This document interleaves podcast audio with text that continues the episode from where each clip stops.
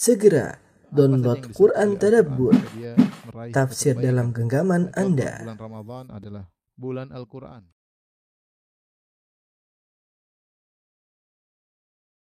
Bismillahirrahmanirrahim. Assalamualaikum warahmatullahi wabarakatuh. Alhamdulillahi ala ihsani wa syukru lahu ala taufiqihi wa amtinani. Asyhadu an la ilaha illallah wahdahu la syarika lahu ta'ziman li sya'ni wa asyhadu anna Muhammadan abduhu wa rasuluhu da'ila ridwani. Allahumma salli alaihi wa ala alihi wa ashabihi wa ikhwani. Uh, ikhwan, akhwat, para uh, jamaah Masjid Tarbiyah Cilandak yang dirahmati Allah Subhanahu wa taala.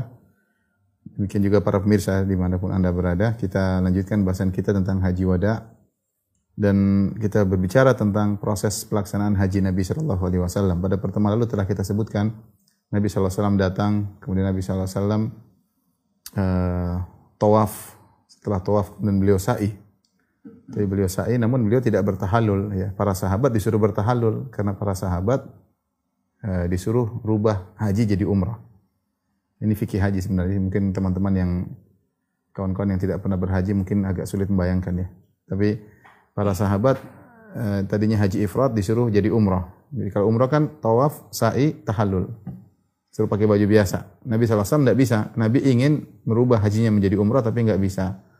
Kenapa? Karena Nabi bawa hadiu. Karena Nabi bawa onta dari kota Madinah. Oleh karenanya Nabi SAW tawaf dan sa'i haji dan Rasulullah SAW tidak bertahallul. Tapi masih dalam kondisi ihram.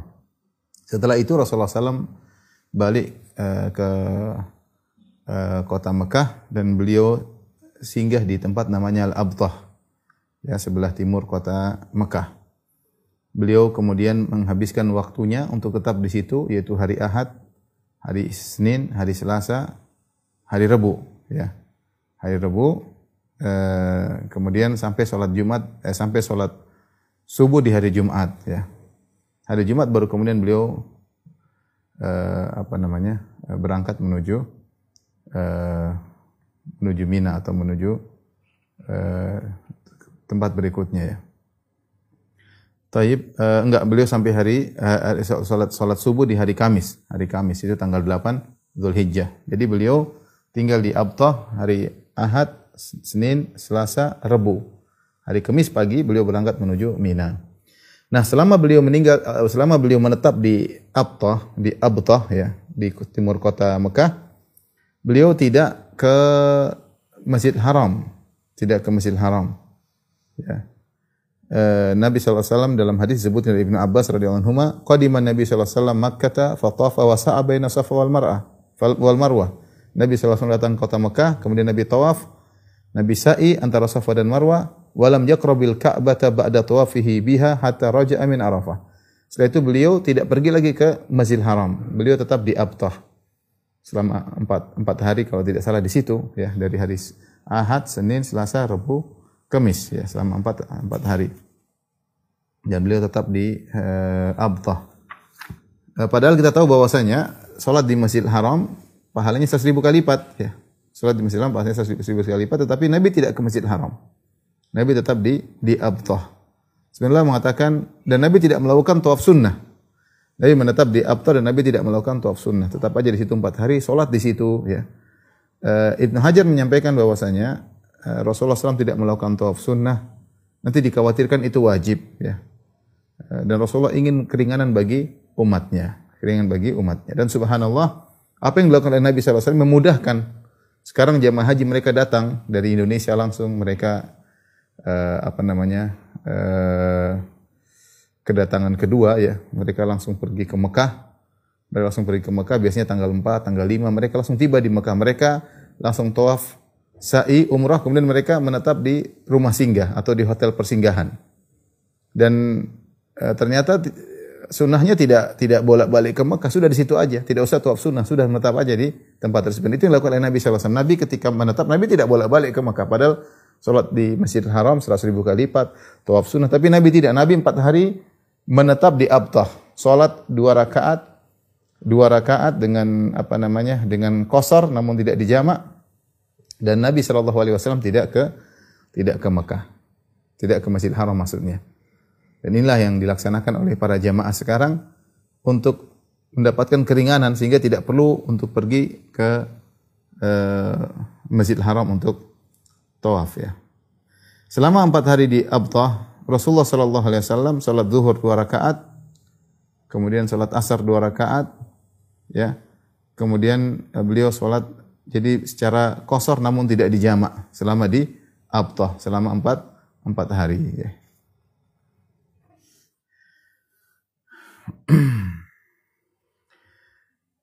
Ketika itu ada seorang sahabat yang eh, masih kecil yang namanya Abu Tufail Amir bin Wathilah.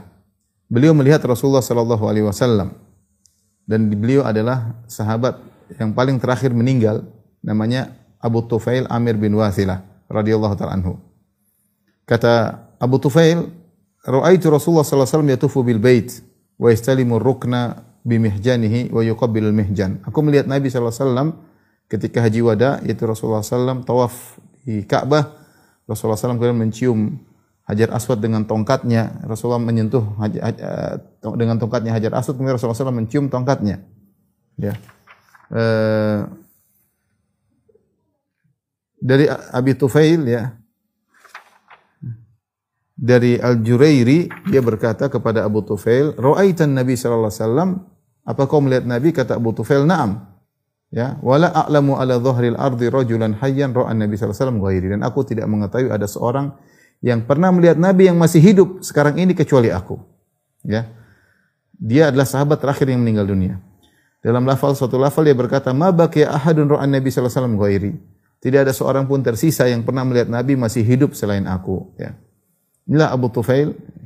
Uh, dia adalah penutup para sahabat yang paling terakhir meninggal dari orang-orang yang pernah melihat Rasulullah SAW secara secara langsung. Dan beliau adalah seorang yang alim, seorang penyair, seorang uh, apa namanya penunggang kuda ya.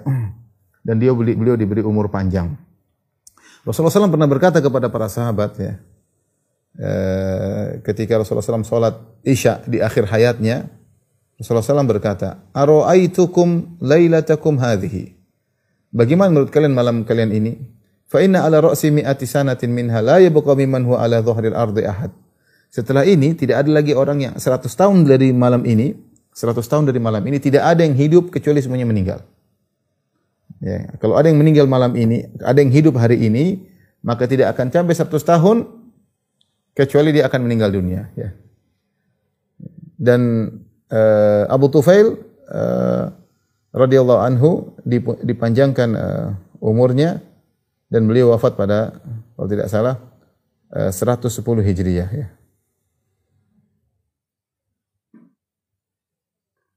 Seratus sepuluh Hijriyah yaitu eh, tahun 100 tahun setelah Nabi SAW berucap demikian dan dialah orang yang terakhir dari kalangan para sahabat yang meninggal dunia.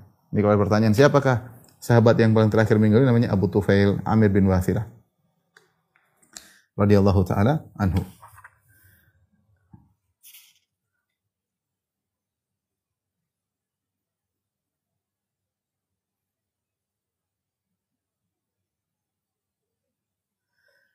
Eh, kemudian datang Ali bin Abi Thalib dari Yaman di, di, di masa Nabi SAW ketika sedang menunggu di Abtah empat hari untuk menunggu tanggal 8 Hijri 8 eh, Zulhijjah. Jadi Nabi di Abtah sejak tanggal 4, tanggal 4, tanggal 5, tanggal 6, tanggal 7, tanggal 8 Zulhijjah pergi ke Mina.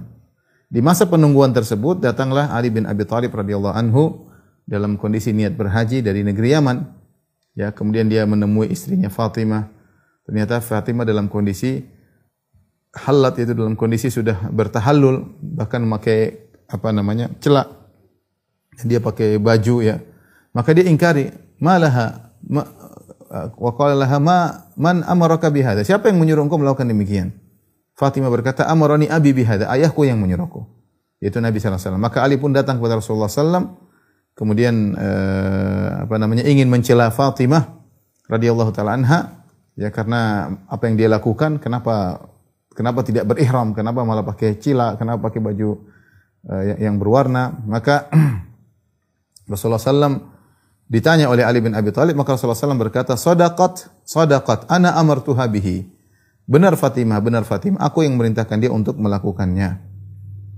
Kemudian Rasulullah bertanya kepada Ali, "Madza qulta hina faratal hajja?" Apa yang kau ucapkan ketika kau berniat haji? Kata Ali bin Abi Thalib, Allahumma inni uhillu bima ahalla bihi rasuluk. Ya Allah, aku berihlal sesuai dengan ihlalnya nabimu. Yaitu aku berniat haji sebagaimana niat haji nabimu. Maka Rasulullah SAW berkata, fa inna ma'iyal hadi fala tahil. Ya. Eh, fa inna ma'iyal hadiya ya fala ahil. Maka adapun uh, aku aku punya hadyu sehingga aku tidak bisa bertahallul. Rasulullah SAW berkata, fa ahdi wamkuth haraman kama anta. Ya. Kalau begitu engkau wahai Ali eh, engkau juga apa namanya fa ahdi yaitu engkau juga memberikan hewan hadyu dan engkau tetap tinggal di kota Mekah berihram sepertiku. Ya berihram seperti sepertiku. Jadi ternyata Ali, Ali bin Abi Thalib ketika dia berniat haji dia berniat seperti niatnya Nabi Shallallahu alaihi wasallam. Sehingga akhirnya dia pun uh, tetap berihram jadi hajinya juga haji kiran dalam sebagian riwayat Rasulullah SAW mengatakan in talik fatuf bil bait wa hilla kama halla ashabuka Tawaflah engkau dan tawaf dan sa'i bertahalullah sebagaimana sebagaimana teman-temanmu. Jadi jadikan haji mau jadi umrah. Jadilah haji tamattu, umrah dulu baru haji. Kata dia, ya Rasulullah, aku telah berihlal sebagaimana ihlalmu. Itu aku telah berniat sebagaimana niatmu. Ya, apa kau punya hadiu? Kata Ali, hadiu maksudnya kam, kam, apa onta? Kata, kata Ali tidak ada. Rasulullah SAW, ya, kalau begitu tetap saja kau berihram, wala kathuluthu hadi dan engkau akan mendapatkan sebagian sepertiga dari hadiuku. Jadi akhirnya Ali bin Abi Thalib uh, beliau uh, hajinya seperti haji Nabi, haji kiran. Jadi hanya tawaf dan sa'i namun tidak bertahallul. Lanjut, pakai tetap pakai kain kain ihram. Kemudian datang juga Abu Musa al-Asy'ari. Abu Musa al-Asy'ari datang dari Yaman, ya. Bersama Ali setelah itu. Kemudian Rasulullah SAW sedang di di Abtah, maka beliau datang. Rasulullah bertanya, "Bima ahlalta?" Apa niatmu ketika kau haji? Hajimu apa? Haji ifrat atau umrah niatmu. Qultu ahlal tabikah ihlalin Nabi wasallam. Aku juga berihlal berniat sebagaimana niatnya Nabi dan Nabi wasallam niatnya haji haji kiran. Kata Nabi wasallam, "Hal ma'aka min hadiyun?" Apa hal ma'aka min hadiyun? Kau punya onta untuk kau persembahkan dalam haji ini? Qala la, tidak ada. Maka Rasulullah SAW berkata, "Fatuf bil bait was'a baina Safa wal Marwah, thumma hilla." Kalau gitu kau rubah hajimu menjadi umrah, bertahalul sebagaimana para sahabat yang lain. Tuaflah engkau dan sa'ilah engkau kemudian bertahalul, cukur rambutmu cukur rambut. Nah, eh, masa tanggal 4 Zulhijjah ini tanggal 5 Zulhijjah banyak orang eh, Ali bin Abi Thalib datang eh, kemudian Abu Musa al-Asy'ari bedanya Ali tawaf dan sa'i tapi Ali tidak mencukur rambut. Kenapa? Karena Ali tidak bertahallul.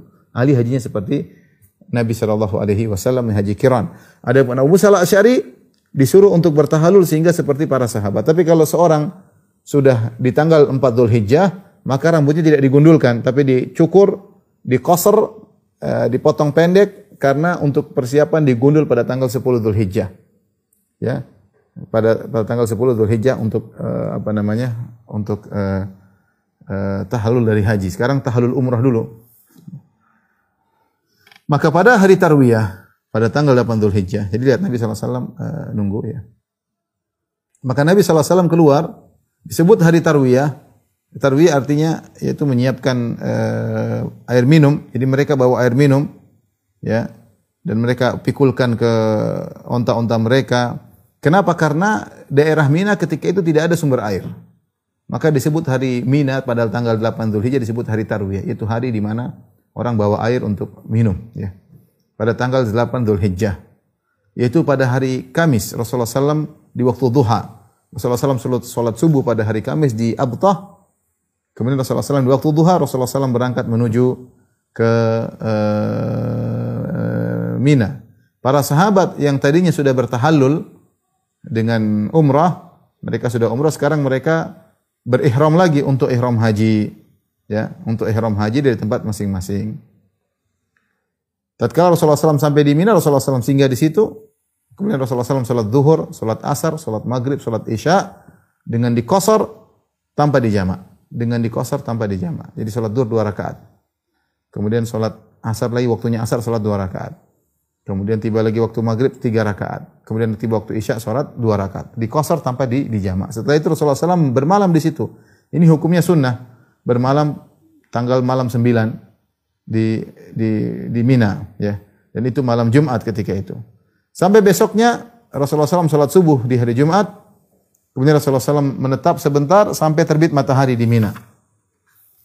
Al-Imam Ahmad meriwayatkan dalam mustadnya dengan sanad yang sahih Dari Ibnu Abbas radhiyallahu anhu beliau berkata, "Shalat Nabi sallallahu alaihi bimina khamsa salawatin." Rasulullah SAW di Mina salatnya lima waktu, yaitu dari uh, zuhur, asar, maghrib, isya, subuh. Jadi karena tanggal 8 pagi, hari Kamis, 8 pagi Rasulullah SAW salat subuhnya masih di Abtah. Tetapi beliau berangkat di waktu duha menuju ke uh, Mina, maka tanggal 8 di Mina, zuhurnya di Mina, asarnya di Mina, maghribnya di Mina, isyaknya di Mina, sampai subuh besoknya di di Mina ya.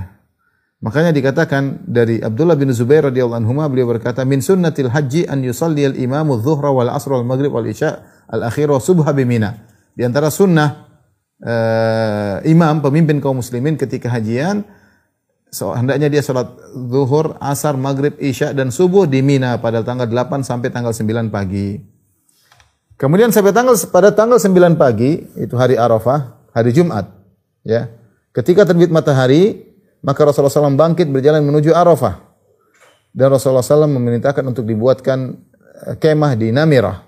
Namirah sekarang dibangun satu masjid yang besar sekali. Yang di Arafah namanya Masjid Masjid Namirah. Masjid besar banget.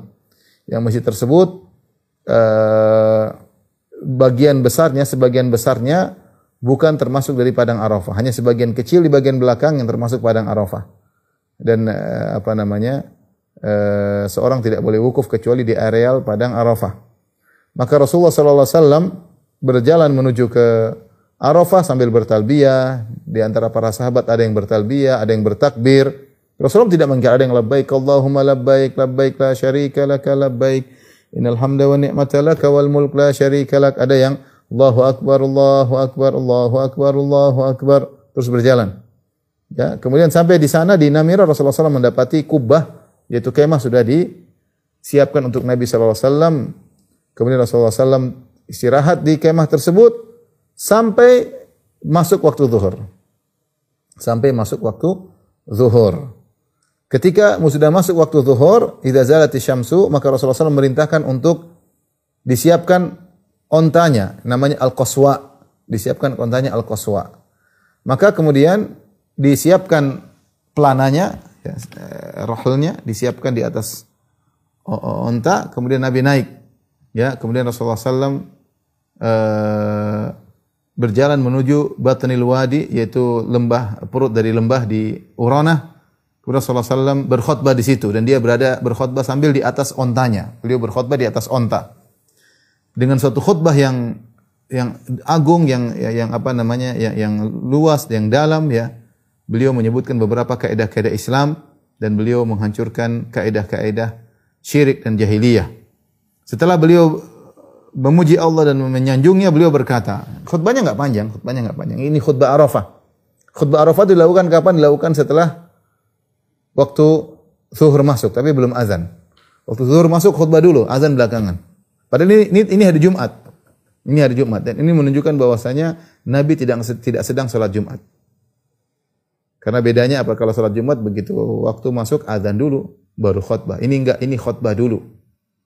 Khutbah dulu baru kemudian azan, baru salat zuhur dua rakaat, kemudian komat, salat asar di jamak kosor, jamak takdim.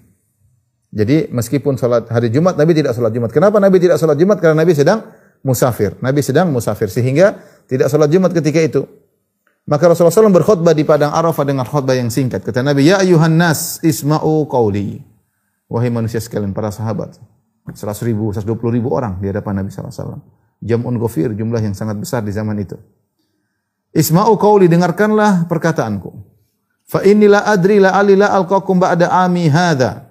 Sungguhnya aku tidak tahu apakah aku masih bisa bertemu dengan kalian setelah tahun ini. Bihadal mauqif abadan. Apakah saya bisa bertemu kalian lagi di posisi seperti ini selamanya? Artinya kemungkinan besar saya tidak haji lagi. Saya masih bertemu kalian setelah ini, tapi bertemu di kondisi seperti ini di padang Arafah berkhutbah bisa jadi tidak lagi. Kemudian beliau berkata, "Ayuhan nas, inna dima'akum wa amwalakum haramun alaikum." Sungguhnya darah kalian haram bagi kalian, tidak boleh ditumpahkan. Wa amwalakum dan harta kalian juga haram bagi tidak boleh kalian mengambil harta orang lain, haram. Kahormati yaumikum hada sebagaimana sebagaimana kehormatan hari ini. Fi syahrikum hada di bulan ini bulan Dzulhijjah, bulan haram. Fi baladikum hada di kota ini kota Mekah tanah haram. Ala inna kulla syai'in min amril jahiliyah tahta qadamayya mawdu'un. Ketahuilah bahwasanya seluruh perkara jahiliyah mawdu'un tahta qadamayya terbuangkan di bawah kedua kakiku. Itu tidak tidak lagi berlaku perkara-perkara jahiliyah. Wa dima'ul jahiliyah mawdu'atun. Kalau ada pertumpahan darah yang terjadi di di masa jahiliyah maka di apa namanya di ilgo di cancel tidak ada lagi Wa inna awwala damin adha'u min dima'ina damu Iyad bin Rabi'ah bin Al-Harith bin Abdul Muttalib. Dan di antara darah yang kami cancel tidak ada tidak ada tuntutan lagi meskipun telah terjadi pembunuhan di zaman jahiliyah adalah darahnya Iyad bin Rabi'ah bin Al-Harith bin Abdul Muttalib. Ini salah satu dari keluarga Bani Hashim dari keluarga Nabi sallallahu alaihi wasallam. Kana mustardaan fi Bani Laits. Cucu atau putra kami tersebut, anak daripada keluarga kami tersebut yaitu Iyad bin Rabi'ah Tadinya dia menjadi anak susuan di kampung Bani Laith. Faqatalatu Hudzail. Tahu-tahu ada kabilah Hudzail membunuh anak itu. Ya, tapi kami cancel, kami ilgo, cancel, tidak ada lagi tuntutan darah. Tidak ada lagi dia, tidak ada lagi kisos, enggak ada. Karena ini terjadi di zaman jahiliyah. Kata Nabi, saya buang itu semua, enggak ada. Jadi disebutkan yang pertama kali darah yang kami cancel karena itu terjadi di zaman jahiliyah adalah darah dari keluarga kami. Kalau kalau Nabi mau menuntut maka Nabi adalah yang utama untuk menuntut karena ini anak dari Bani Hashim.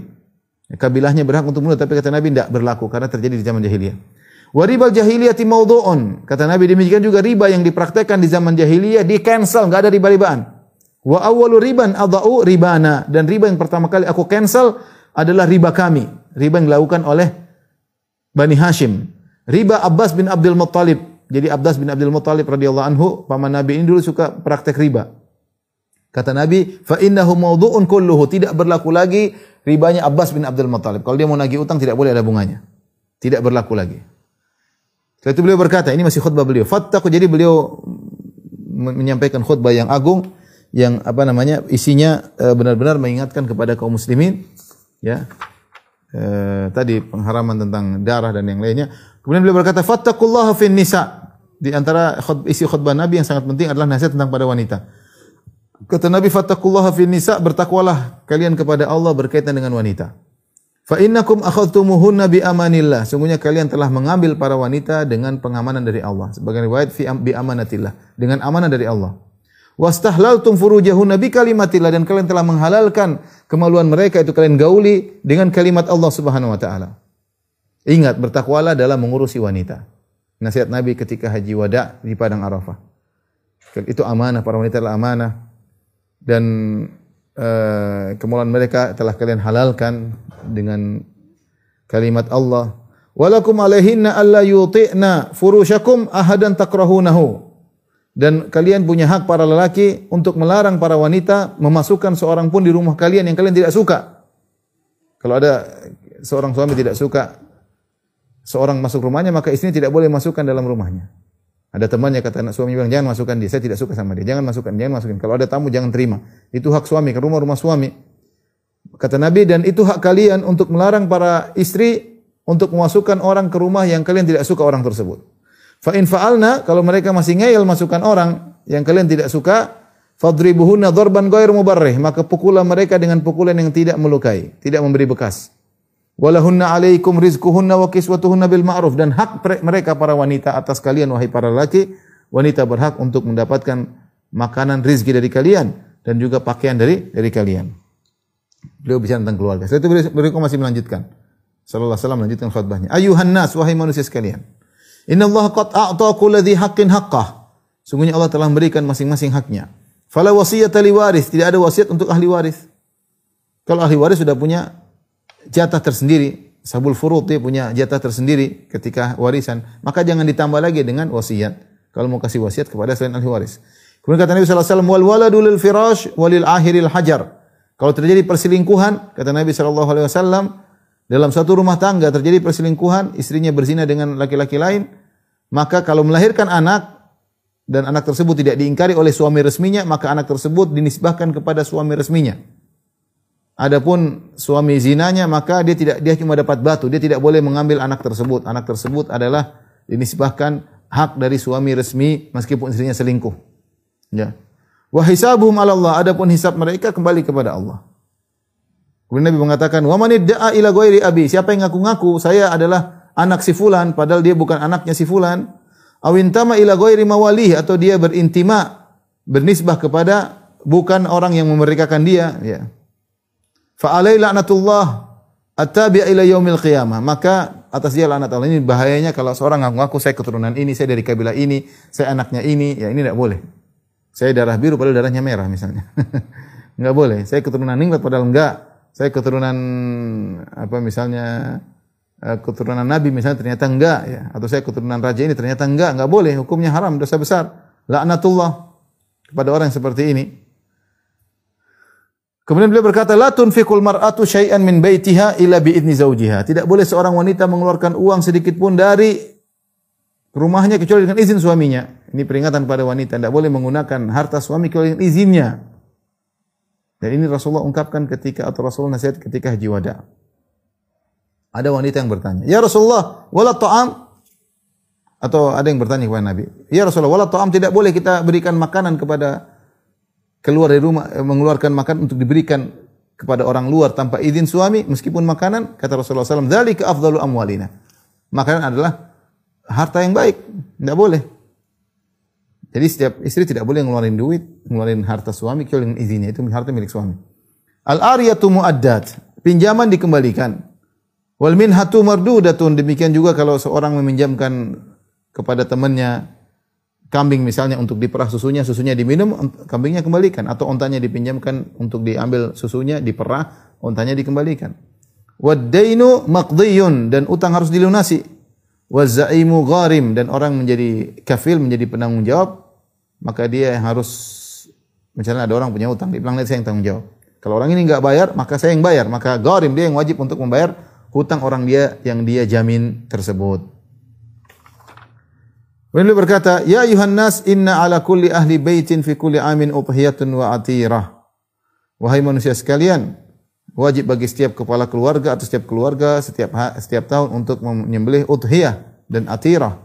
Atadruna mal atirah? Tahu kalian apa itu atirah? Hiya allati yusammiha an-nasu rajabiyah. Al-atirah adalah sembilan yang dilakukan di bulan Rajab. Ya, tapi ini kata para ulama hukumnya mansuh. Ya, dulu wajib tapi tidak tidak tidak wajib lagi. Kemudian kata Nabi SAW, Man lam yajidna alain falyalbis khuffain. Siapa yang ketika haji ini tidak punya sendal, ya sudah pakai khuf, tidak ada masalah. Ya. Jadi asalnya tidak boleh pakai khuf. Kadang kan orang-orang orang ihram laki-laki tidak boleh memakai sepatu yang yang menutup kedua matanya nggak boleh. Tapi kata Nabi kalau dia nggak punya dia nggak punya sendal untuk umrah untuk untuk ihram maka tidak apa-apa. Karena para sahabat tidak seperti kita, ada yang punya, ada yang nggak punya. Ada yang punya khuf doang kata Nabi kalau nggak punya sendal untuk berihram pakai sepatu nggak ada masalah dengan syarat tidak ada sendal. Wa man lam yajid izaran falyalbis sarawil muhrim. Siapa yang berihram dalam kondisi ihram tidak punya sirwal, eh, tidak punya kain izar, tidak punya kain ihram, maka boleh pakai celana kata Nabi, tidak ada masalah kalau memang terpaksa. Kalau memang ter, terpaksa. Ini misalnya seorang dia dia misalnya naik pesawat kemudian dia mau melewati mikot, kemudian dia cari kain ihram ternyata nggak ada. Maka tidak apa-apa dia pakai celana. Kata Nabi kalau nggak ada ihram boleh pakai celana dan tidak dia tidak dia tidak harus bayar tidak harus bayar kafar karena darurat. Kata Nabi siapa yang tidak punya izar, tidak punya sarung untuk ihram maka boleh pakai celana. Kemudian beliau melanjutkan, "Wa qad taraktu fikum ma lan tadhillu ba'dahu in tasamtum bihi." Aku telah meninggalkan kepada kalian suatu perkara kalian tidak akan sesat jika kalian berpegang teguh dengan perkara tersebut. Kitab Allah yaitu Al-Quran. Yaitu Al-Quran. Pegang teguh kalian tidak akan tersesat. Kemudian berkata, wa antum tus'aluna anni. Kalian akan ditanya tentang aku, wahai para sahabatku. 120 ribu orang.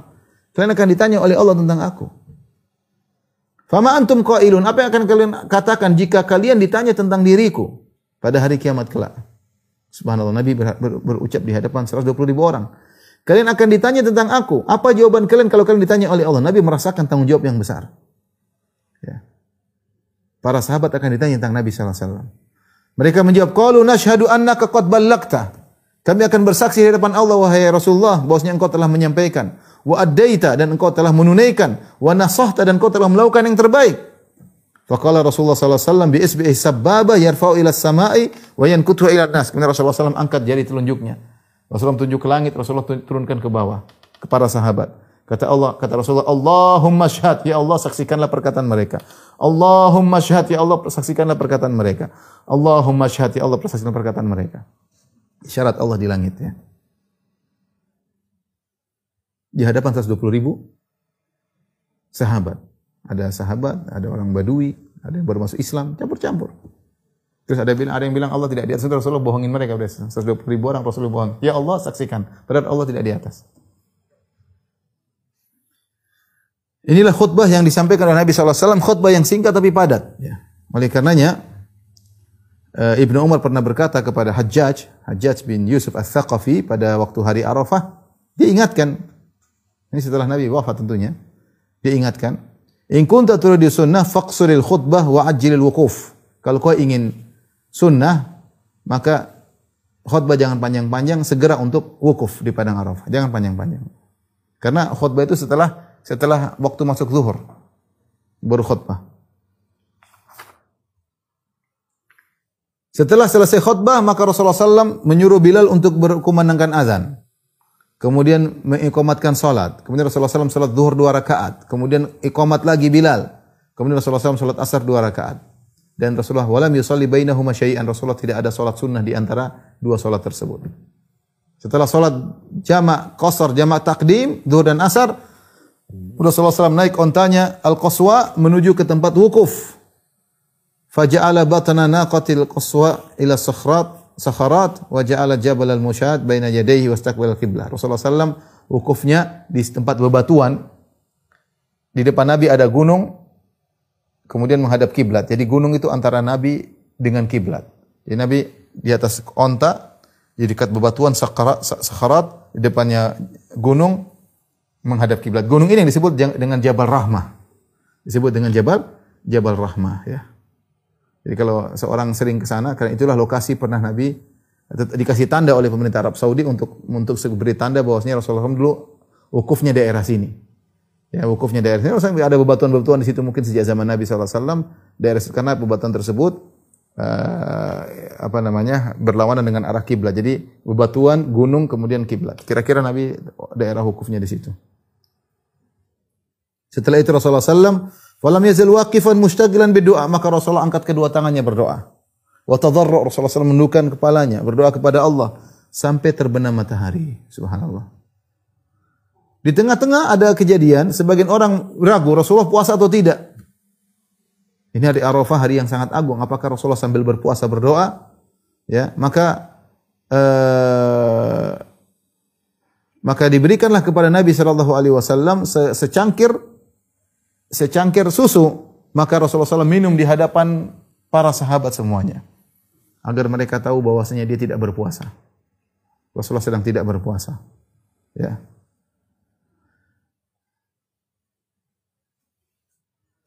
Fasyariba minhu wan nasu yanzurun. Rasulullah SAW minum dan orang-orang semua melihat. Kenapa orang ketika dia padang Arafah tidak boleh berpuasa dan itu lebih kuat bagi dia untuk berdoa kepada Allah Subhanahu wa taala. Dalam satu hadis dari Uqbah bin Amir radhiyallahu anhu Rasulullah SAW bersabda, "Yauma Arafah wa yaumun nahar wa ayyamut tasyrik iduna ahlul Islam." Hari Arafah, hari Nahar 10 Zulhijjah, tanggal 9 Zulhijjah hari Arafah, tanggal 10 Zulhijjah 10 Zulhijjah hari Nahar, ayyamut tasyrik tanggal 11, 12, 13 Zulhijjah adalah hari-hari lebaran bagi ahlul Islam. Wa hunna ayyamu aklin wa syurbin dan hari-hari tersebutlah hari makan dan minum. Jadi seorang di, di, dilarang untuk puasa pada hari Arafah. Bahkan berbuka pada hari Arafah agar semakin kuat berdoa kepada Allah Subhanahu wa taala. Rasulullah SAW ketika sampai di situ Rasulullah SAW berkata, "Waqaftu huna wa Arafatu kulluha mauqif." Aku wukuf di sini dan Arafah seluruhnya adalah tempat wukuf. Semuanya adalah tempat tempat wukuf, ya. Kunu ala masyairikum fa innakum ala irthin min irsi Ibrahim. Rasul mengatakan, biarlah kalian di tempat kalian masing-masing. Dan Arafah padang Arafah luas ya. Dan sekarang diberi tanda-tanda ya, plakat-plakat apa starts of Arafah, ends of Arafah ya. Jadi orang sudah tahu di mana lokasi Arafah. Tiap, tidak boleh seorang wukuf di luar padang Arafah. Siapa yang wukuf di luar padang Arafah, wukufnya uh, tidak sah. Rasulullah SAW berkata, Al-Hajju Arafah. Haji itu adalah wukuf di padang Arafah. Inti daripada haji adalah wukuf di padang Arafah. Dan inti daripada haji adalah berdoa kepada Allah Subhanahu wa taala. Rasulullah SAW berdoa, bersabda, "Khairud du'ai du'au yaumi Arafah." Sebaik-baik doa adalah doa hari Arafah. Wa khairu ma qultu ana wa nabiyyuna min qabli. Dan sebaik-baik doa yang dipanjatkan olehku dan para nabi sebelumku, la ilaha illallah wahdahu la syarika lah, lahul mulku wa lahul hamdu wa huwa ala kulli syai'in qadir. Maka para jamaah haji banyak mengulang-ulangi zikir ini di padang Arafah. La ilaha illallah wahdahu la syarika lah, lahul mulku wa lahul hamdu wa ala kulli syai'in qadir. Usama bin Zaid radhiyallahu anhu ya, dia berkata, "Kuntu radifa Rasulullah SAW di Arafat." Aku digonceng oleh Nabi di padang Arafat. Farafa yadai farafa yadai yad'u. Lihat bagaimana sayangnya Nabi kepada Usama sampai diikut sertakan dalam wukufnya. Farafa yadai yad'u. Maka Rasulullah mengangkat kedua tangannya berdoa. Rasulullah berdoa angkat tangan di padang Arafah di atas ontanya. Famalat bihi naqatuhu fasaqata khitamuha. Maka onta beliau bergoyang maka jatuhlah tali kekang onta. Fatanawal khitam bi ihda yadayhi wa huwa rafi'un yadahul ukhra. Maka Rasulullah memegang tali kekangnya dan Rasulullah tetap mengangkat satu tangannya berdoa kepada Allah. Jadi Rasulullah tidak kesibukan untanya yang bergerak tidak membuat beliau berhenti dari berdoa. Subhanallah beliau berdoa dari zuhur sampai maghrib. Hatta gharabati syamsu sampai matahari terbenam. Saya tidak mikir bagaimana Rasulullah berdoa dengan waktu yang begitu lama. Kita perkirakan mungkin Rasulullah berdoa mungkin 5 jam. 5 jam, 6 jam mungkin. Ya. Bagaimana berdoa dengan selama tersebut? Dengan mengadahkan tangan kedua tangan kepada Allah. Padahal dia adalah siapa? Dia adalah Rasulullah orang yang dijamin masuk surga. Yang pintu surga tidak akan terbuka kecuali mengetuknya Nabi SAW. Lantas kita bagaimana? Oleh karenanya para jamaah yang diberi kesempatan Allah untuk berhaji, jangan lupa hari paling utama di haji adalah hari Arafah dan perbanyak doa sebanyak-banyaknya. Kalau nggak kuat berdoa ambil buku doa baca, baca artinya baca. Ya, minta kepada Allah dimudahkan untuk berdoa. Karena sebagian jemaah haji mereka cuma berdoa sebentar, berdoa berjamaah, setelah itu mereka jalan-jalan. Sayang. Setiap detik di padang Arafah adalah detik yang sangat berharga. Ya. Rasulullah SAW bersabda, "Ma min yaumin akthar min an yu'tika Allahu fihi 'abdan minan nar min yaumi Arafah." Tidak ada hari di mana orang Allah paling banyak memerdekakan orang dari neraka seperti hari Arafah. Wa innahu la yadnu dan sungguhnya Allah mendekat pada hari tersebut. Mendekat kepada para jemaah haji. Tsumma yubahi bihimul malaikah. Kemudian Allah membanggakan para jemaah haji di depan para malaikat. Fayaqulu ma arada haula. Allah berkata, apa yang diinginkan oleh para jemaah haji? Jadi Allah banggakan mereka, tentunya para jemaah haji ingin ampunan dari Allah, ingin rahmat dari Allah, ingin surga dari Allah Subhanahu wa taala. Allah banggakan mereka. Jadilah Anda orang-orang yang dibanggakan oleh Allah di hadapan para malaikat ketika di hari Arafah. Dalam hadis yang lain Rasulullah SAW bersabda, "Ma min yaumin afdal indallahi min yaumi Arafah, yanzilullah ila sama'i dunya." Tidak ada hari yang lebih afdal di sisi Allah seperti hari Arafah. Yanzilullah ila sama'i dunya. Allah turun ke langit dunia. Fayubahi bi ahlil ardi ahlas sama. Maka Allah membanggakan penghuni bumi di hadapan penghuni langit, yaitu para jemaah haji dibanggakan di hadapan para malaikat. Fayaqul, "Unzuru ila ibadi syu'than gubran dahina." Ya. Lihatlah hamba-hambaku. Mereka syu'than, rambut mereka semerawut, gubran penuh dengan debu, dahina di bawah terik matahari. Ja'u min kulli fajin amik. Mereka datang dari segala penjuru yang sangat jauh. Yarjuna rahmati. Mereka mengharapkan rahmatku. Walam yarau azabi dan mereka tidak melihat azabku. Falam yura yaumun aktsaru itqan minan nari min yaumi Arafah. Maka tidak akan terlihat orang paling banyak dibebaskan dari neraka seperti hari Arafah. Subhanallah, hari yang sangat uh, sangat agung pada hari tersebut. Saya pernah hajian sekali. Waktu saya kebetulan qadarullah tidak ada tenda maka saya pergi ke Masjid Namirah. Wukuf di situ. Kemudian saya keluar ada keperluan, saya lihat orang bawa uang tebal begini, dia bagi-bagi. Subhanallah. Orang Arab bawa uang tebal, dia bagi-bagi. Dia beli makanan. Semua makan, dia beli makanan. Dia bersedekah di hari Arafah. Ya, subhanallah. Cari cari pahala, cari rahmat Allah Subhanahu wa taala. Kita dunia akan kita tinggalkan. Percuma uang kita kumpulkan banyak-banyak, tidak akan tidak akan kita bawa mati.